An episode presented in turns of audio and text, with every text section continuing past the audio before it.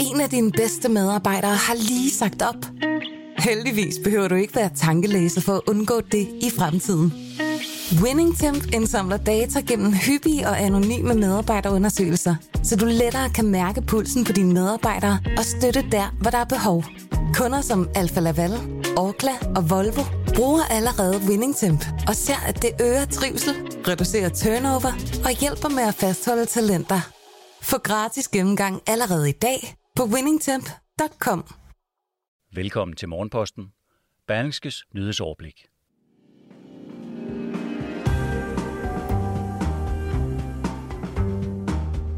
Blandt 51 nuværende og tidligere ministre har blot to slettede sms'er i deres ministerperiode. Læger har observeret et nyt fænomen, hvor unge mennesker udvikler Tourette-lignende tics efter brug af sociale medier. Og så er der i weekenden mulighed for nordlys over Danmark.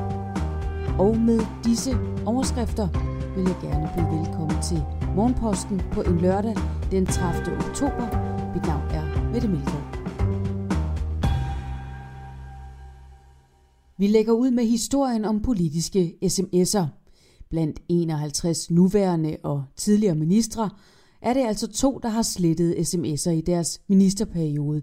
Det viser et overblik, som TV2 har samlet. Onsdag kom det frem, at statsminister Mette Frederiksen har slettet sine sms'er fra den periode i november sidste år, hvor alle mink blev besluttet aflivet.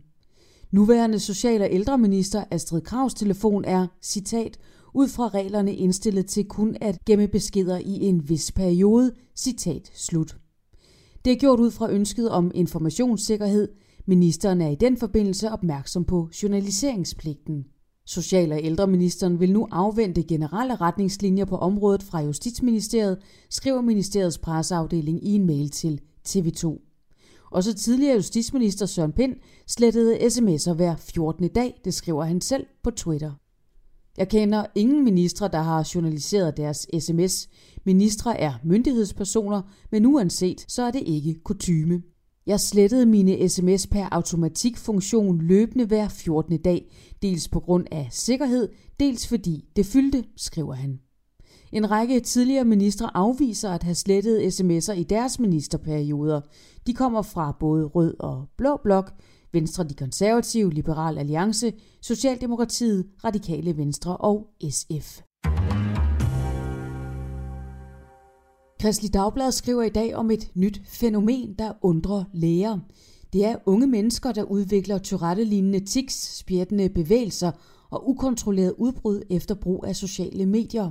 Lægerne på Tourette-klinikken på Herlev og Gentofte Hospital har, ligesom deres kolleger i andre lande, til deres undren observeret, at især unge piger kommer til dem med det, der ved første øjekast ligner Tourette-syndrom. De har alle fulgt personer med lidelsen Tourette på de sociale medier.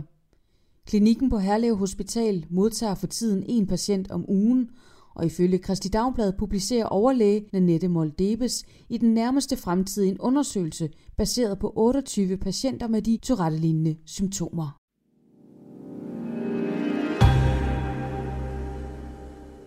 En opinionmåling fra Altinget tidligere på ugen indikerede, at enhedslisten bliver det største parti i Københavns borgerrepræsentation efter kommunalvalget.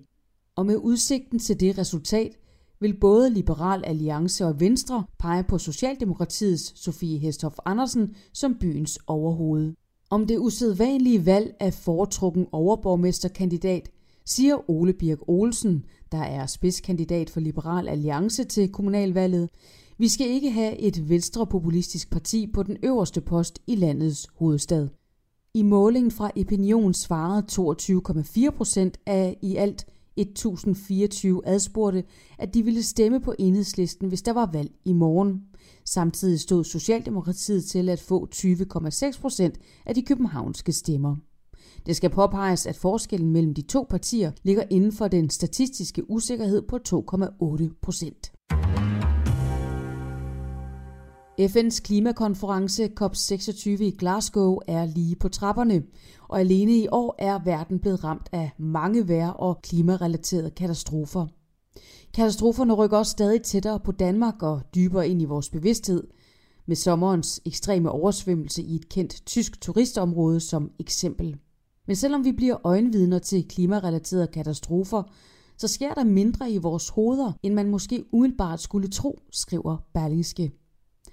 Der er ikke særlig stærk evidens for, at vejrrelaterede katastrofer får os til at ændre adfærd og handle på klimakrisen, med mindre vi selv står lige midt i det, siger Søren Damsbo Svendsen, der er Ph.D.-stipendiat på Institut for Statskundskab i København. Han er netop i gang med et forskningsprojekt om, hvordan vores holdninger påvirkes af personlige væreoplevelser. Søren Damsbo Svendsen henviser til et aktuelt norsk forskningsresultat, der med udgangspunkt i netop oversvømmelser har undersøgt sammenhængen mellem oplevelsen af katastrofen og det personlige engagement i klimaspørgsmålet. Det viser, at folk, der på egen krop har været ramt af en oversvømmelse, i langt højere grad er påvirket af klimabekymring end folk, der blot har været vidne til det i et lokalområde. Men det indebærer som sagt ikke, at man dermed også lægger sit liv om fra den ene dag til den anden. I første omgang er det især vores holdninger, der påvirkes, fortæller Søren Damsbo Svendsen. Ifølge FN's meteorologiorganisation WMO er der sket en femdobling i antallet af klima- og vejrrelaterede katastrofer i verden i de seneste 50 år. Vi skal også et smut til Sydspanien i denne udgave af Morgenposten. Således er 10.000 danskere registreret hos Skat som ejere af en ejendom i Spanien, og Berlingske har besøgt nogle af dem. Og en fælles faktor har været afgørende for, at flytningen er en succes, og det er børnenes trivsel. Ligesom lyset og det gode vejr er en afgørende faktor for, at de og mange andre er trukket sydpå, enten permanent eller for en periode. Og hvis du her midt i det danske efterår skulle blive fristet af tanken, ja, så bringer lørdagens avis en liste over ejendomspriser og leveomkostninger i både Spanien, Frankrig og Italien. En mere end almindelig kraftig solstorm, der har kurs mod jorden, giver i weekenden danskerne mulighed for at se fænomenet nordlys. Nordlys er ellers forbeholdt egne meget nordligere end i Danmark, det skriver Jyllandsposten. Den amerikanske rumfartsadministration NASA observerede torsdag et kraftigt såkaldt soludbrud, som udsendte en kraftig sky af elektrisk ladet plasma med kurs mod jorden. Amerikanske rumværseksperter fra Space Weather Prediction Center tror, at de elektrisk ladede partikler, også kaldet en solstorm, rammer jordens magnetfelt lørdag og således vil skabe en geomagnetisk storm af klasse 3, som det hedder, på en skala fra 1 til 5. Noget af det, der sker i dag, er, at tidligere hofmarskal Søren Haslund Christensen bisættes fra Kastelskirken. Søren Haslund Christensen er kendt for en lang karriere i forsvaret og ved hoffet, hvor han endte som hofmarskal. Han blev 88 år.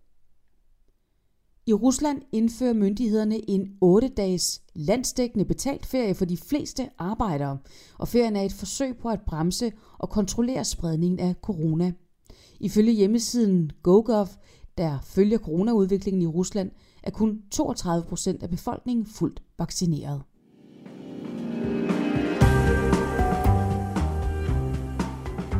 Således morgenposten på den sidste lørdag i oktober. Berlingskes nyhedsoverblik får du naturligvis også leveret igen i morgen tidlig. Tak fordi du lyttede med, og rigtig god lørdag.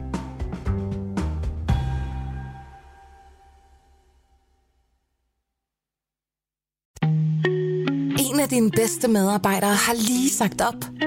Heldigvis behøver du ikke være tankelæser for at undgå det i fremtiden. WinningTemp indsamler data gennem hyppige og anonyme medarbejderundersøgelser, så du lettere kan mærke pulsen på dine medarbejdere og støtte der, hvor der er behov. Kunder som Alfa Laval, Orkla og Volvo bruger allerede WinningTemp og ser, at det øger trivsel, reducerer turnover og hjælper med at fastholde talenter. Få gratis gennemgang allerede i dag på winningtemp.com.